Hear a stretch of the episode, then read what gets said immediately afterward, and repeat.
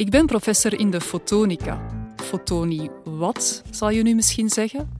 Wel, fotonica is de wetenschap en technologie van het licht. En ook al heb je er misschien nog niet van gehoord, toch maak je er elke dag gebruik van.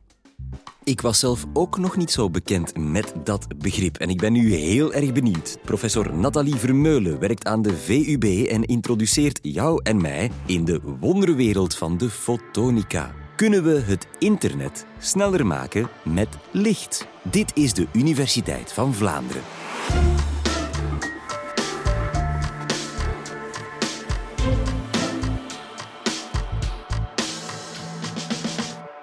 Kunnen we het internet sneller maken met licht? Voordat ik die vraag beantwoord, zou ik graag een beetje meer willen vertellen over fotonica. Zoals gezegd is fotonica de wetenschap en technologie van het licht.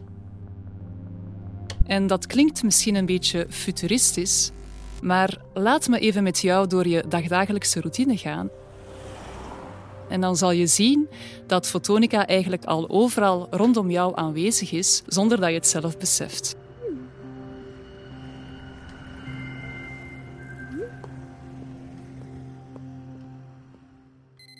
Bijvoorbeeld als je ochtends opstaat, je steekt het licht aan en misschien heb je nog traditionele halogeenlampen in je verlichting steken. Maar het kan ook zijn dat je al LED-verlichting hebt. LED-verlichting, Light Emitting Diode verlichting, is zeer energiezuinig, veel energiezuiniger dan die halogeenlampen. Dus LED-verlichting is inderdaad een voorbeeld van fotonica-technologie, van moderne lichttechnologie.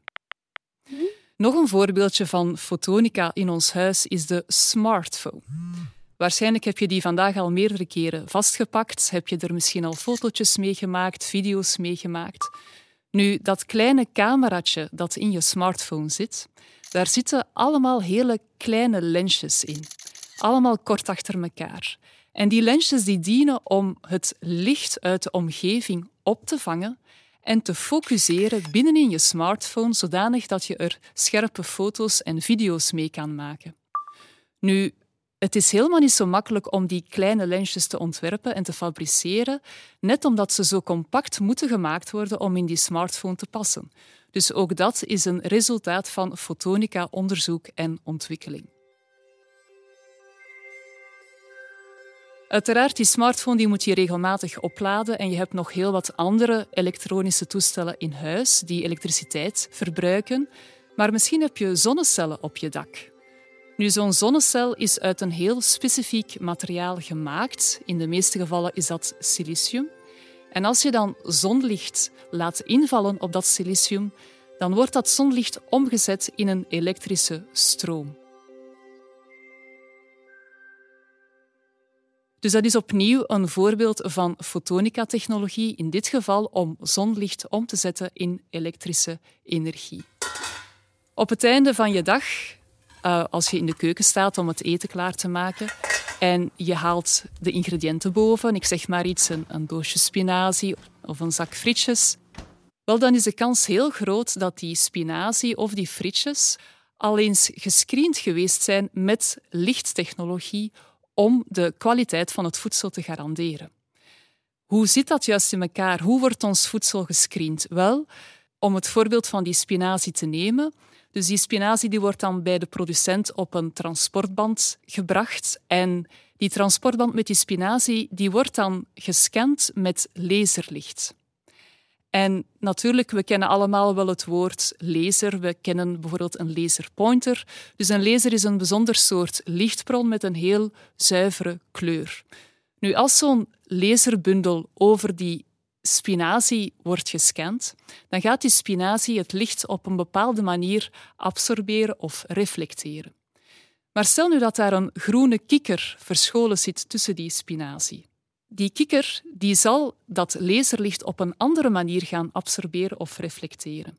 En dus ook al kunnen wij met het blote oog niet altijd het verschil zien tussen die groene kikker en de groene spinazie, met dat laserlicht lukt dat wel. En kunnen we dus de kikkers uit de spinazie plukken of ook op dezelfde manier de gele wormpjes uit de maïs halen enzovoort. Dus opnieuw fotonica-technologie die belangrijk is om onze voedselkwaliteit te garanderen. En dan, helemaal op het einde van je dag, niks is zo zalig als in de zetel zitten, eventjes tv kijken. Onze moderne tv is lang niet meer die zware tv van vroeger. Vandaag hebben we allemaal vlakke beeldschermen met hoge resolutie, hoge helderheid. En of het nu een LCD-scherm is, een liquid crystal display of een LED-scherm, een light emitting diode scherm, het is ook allemaal fotonica-technologie. En zo kan ik nog een heel tijdje doorgaan. Er zijn talloze toepassingen van de fotonica, ook in de medische wereld, in de auto-industrie, in de luchtvaart enzovoort. Eigenlijk is het wel verwonderlijk waar fotonica overal al aanwezig is. Eigenlijk is fotonica alles wat we doen in onze moderne maatschappij om licht op te vangen, om licht te manipuleren, om licht te genereren, om metingen te doen met licht, om data te genereren met licht enzovoort.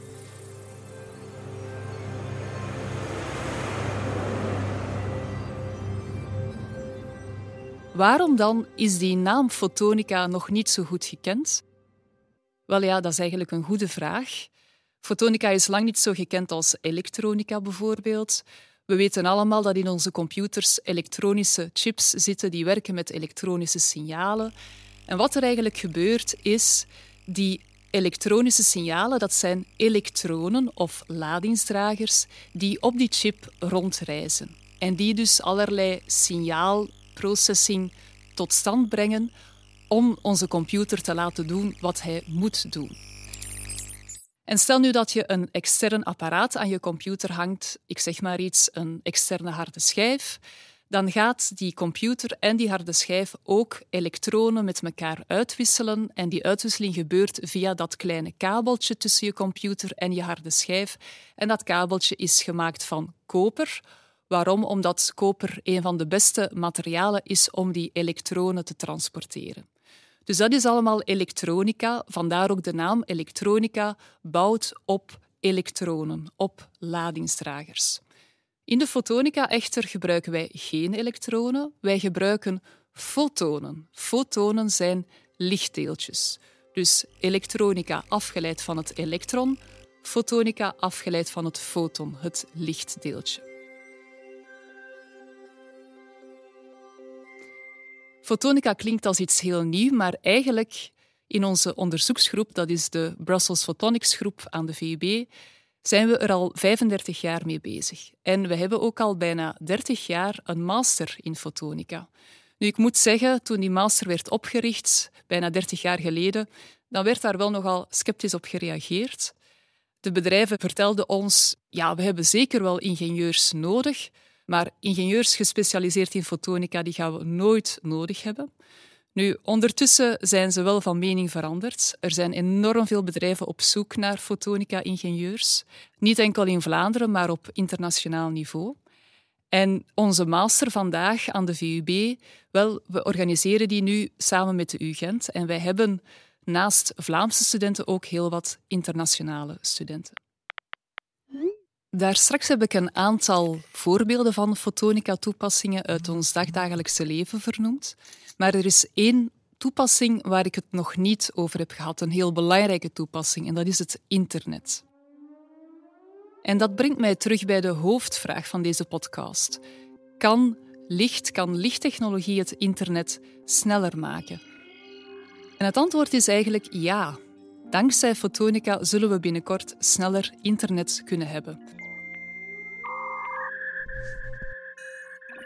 We willen uiteindelijk allemaal sneller internet, want we gebruiken het meer dan ooit tevoren.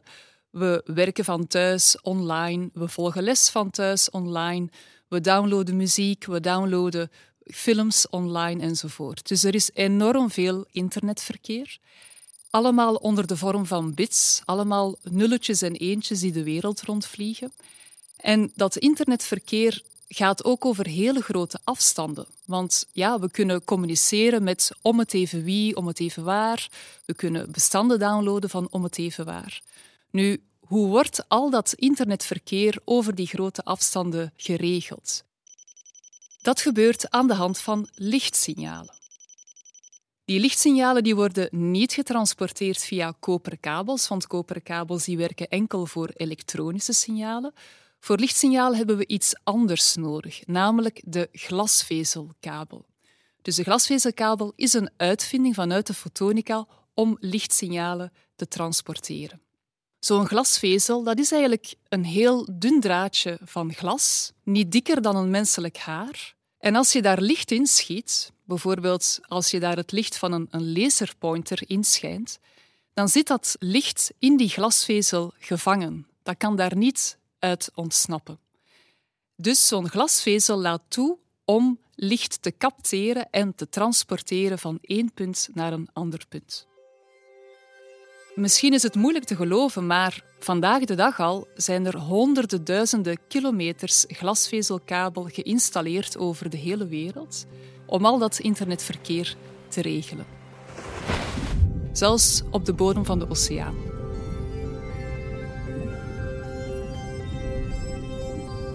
Zo'n glasvezelkabel laat ook toe om enorm veel data per seconde te transporteren over grote afstanden. En ik heb het hier over terabits per seconde. Om eventjes een vergelijking te maken, stel nu dat jij per dag 1 gigabit aan data verbruikt. Wel, dan kan zo'n glasvezelkabel duizend keer meer data transporteren en niet over één dag, maar in één seconde. Dus ik heb het over enorme datasnelheden, enorme bandbreedtes die mogelijk gemaakt worden met die glasvezel over grote afstanden. Nu, je kan misschien de vraag stellen, als inderdaad die glasvezelkabel over de hele wereld geïnstalleerd is en als die inderdaad toelaat om zo'n hoge bandbreedtes mogelijk te maken, waarom hebben wij thuis dan zo'n traag internet? Wel, dat is omdat in België die glasvezelkabel typisch maar tot aan de steden is doorgetrokken en niet verder dan dat. En vanaf daar worden dan die lichtsignalen van die glasvezelkabel omgezet in elektronische signalen en die worden dan verdeeld over een heel groot aantal koperen kabels die dan allemaal naar de individuele woningen gaan. En dus wat blijft er over per woning? Traag internet met een lage bandbreedte dat binnenkomt via de koperen kabel. Nu, gelukkig wil men in België een inhaalbeweging maken op vlak van internetinfrastructuur. En het zou de bedoeling zijn om tegen 2025 meer dan 2 miljoen woningen te voorzien van glasvezelverbinding. En dat zou dus betekenen dat het internet tot aan jouw huis wordt gebracht, niet onder de vorm van elektronische signalen in een koperen kabel, maar wel onder de vorm van lichtsignalen in een glasvezelkabel. En op die manier kan je dus ook thuis van snel internet genieten. Dus inderdaad, dankzij fotonica zullen we binnenkort sneller internet kunnen hebben, ook thuis. Tot nu toe heb ik vooral gesproken over het belang van fotonica voor het internet, maar fotonica laat nog zoveel andere toepassingen toe. En het kan ook mee oplossingen bieden voor de grote uitdagingen waar we nu voor staan. En ik denk dan vooral aan de corona-epidemie en de klimaatsverandering. Bijvoorbeeld in de strijd tegen corona worden er nu al thermografische camera's gebruikt, bijvoorbeeld op luchthavens, om mensen met corona-infectie te detecteren. Zo'n thermografische camera die werkt niet met zichtbaar licht, die werkt met warmtestraling. En die laat dus ook toe om de warmtestraling van ons lichaam in beeld te brengen. Nu, als je geïnfecteerd bent met corona, dan maak je koorts en dan zal je lichaam dus meer warmtestraling genereren en dat kan gedetecteerd worden met zo'n thermografische camera. Er zijn nog heel wat andere fotonica-voorbeelden die helpen de strijd aan te gaan tegen corona. Ik denk bijvoorbeeld aan speciale UV-lampen waarmee je ruimtes in ziekenhuizen kan desinfecteren. Hoe werkt dat juist? Wel, die UV-stralen die laten toe om het coronavirus te desactiveren en op die manier kan je inderdaad oppervlaktes en ruimtes desinfecteren. En als we dan kijken naar die andere grote uitdaging, de klimaatsverandering, Wel, daar heb ik al een aantal voorbeelden gegeven van fotonica-toepassingen die een oplossing kunnen bieden voor de klimaatsverandering. Ik denk aan die LED-verlichting die veel energiezuiniger is en waarmee er al enorm veel energie bespaard is op wereldniveau. Ik denk ook aan de ontwikkeling van de zonnecellen, dat echt een belangrijke doorbraak is geweest voor het opwekken van groene energie. En ik kan nog een tijdje zo doorgaan. Kortom, om samen te vatten, fotonica, de wetenschap en technologie van het licht, zal inderdaad het internet voor ons thuis sneller maken. Maar fotonica kan nog zoveel meer dan dat. Het heeft op verschillende domeinen onze levenskwaliteit al heel sterk verbeterd. En ook naar de toekomst toe zal het mee oplossingen kunnen bieden voor de grote uitdagingen waar we voor staan. Dus wat mij betreft met fotonica zal er wel degelijk licht zijn aan het einde van de tunnel. Dankjewel, professor Vermeulen. Mag ik met een persoonlijke vraag beginnen? Je vertelde dat 30 jaar geleden bedrijven absoluut niet stonden te wachten op fotonica-ingenieurs, maar jij bent het wel geworden. Waarom? Omdat licht mij enorm fascineert. Licht, vind ik, is het begin van bijna alle leven. En toen ik dan vernam dat ik aan de VUB over licht kon studeren en vooral ook hoe ik het licht zou kunnen gebruiken om praktische toepassingen te ontwikkelen, ik vond dat zo boeiend dat ik dacht, ik ga dat doen. Ik ga, ik ga fotonica-ingenieur worden. Je bent deel geworden van een, een onderzoeksgroep die, die dus al 35 jaar uh, actief is. Uh, het, je zei het is, het is geen heel jonge wetenschap, maar toch, het lijkt wel alsof we uh, om de paar maanden een nieuwe grote ontdekking doen in de fotonica. We weten nog maar heel weinig eigenlijk over alle mogelijke toepassingen van licht. Of, of schat ik dat verkeerd in?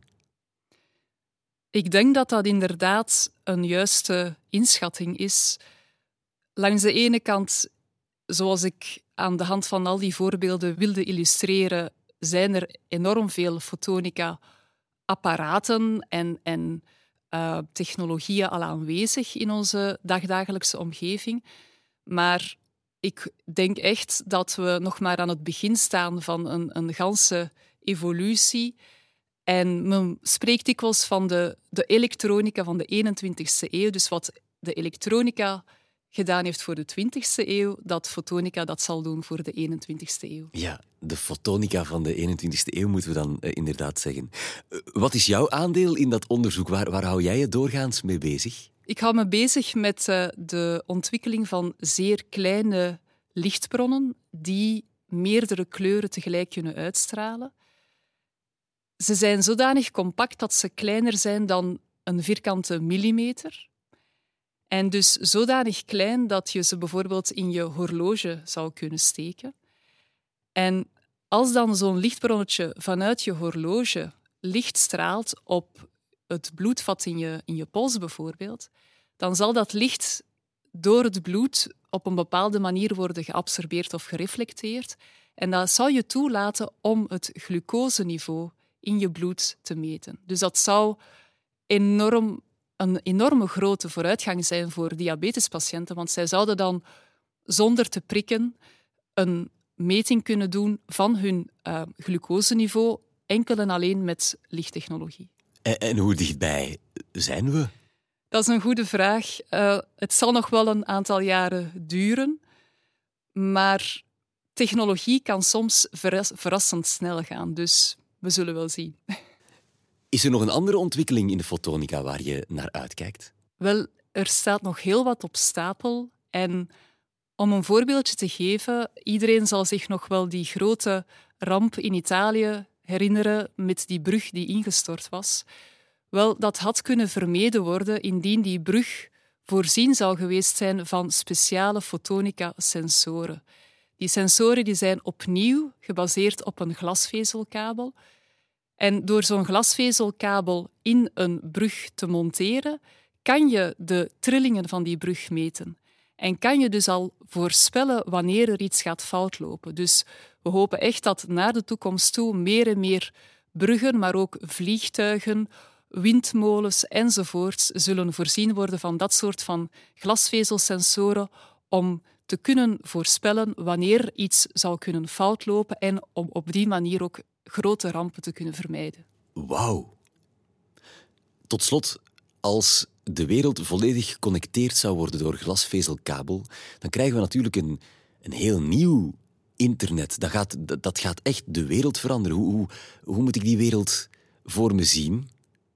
Het zal een wereld zijn waar onder andere de Internet of Things, waar men soms over spreekt, dat alles met alles geconnecteerd wordt, waar dat meer en meer realiteit wordt.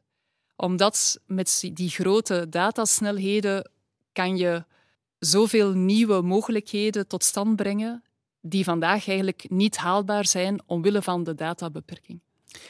Dankjewel, professor Nathalie Vermeulen. Ik ben eh, alvast heel benieuwd wat die fotonica-toekomst allemaal zal brengen. En nog veel succes met dat baanbrekende onderzoek. Als jij ook wil dat veel meer mensen fotonica leren kennen, deel dan deze podcast of laat een review achter. Heel graag tot een volgende gelegenheid.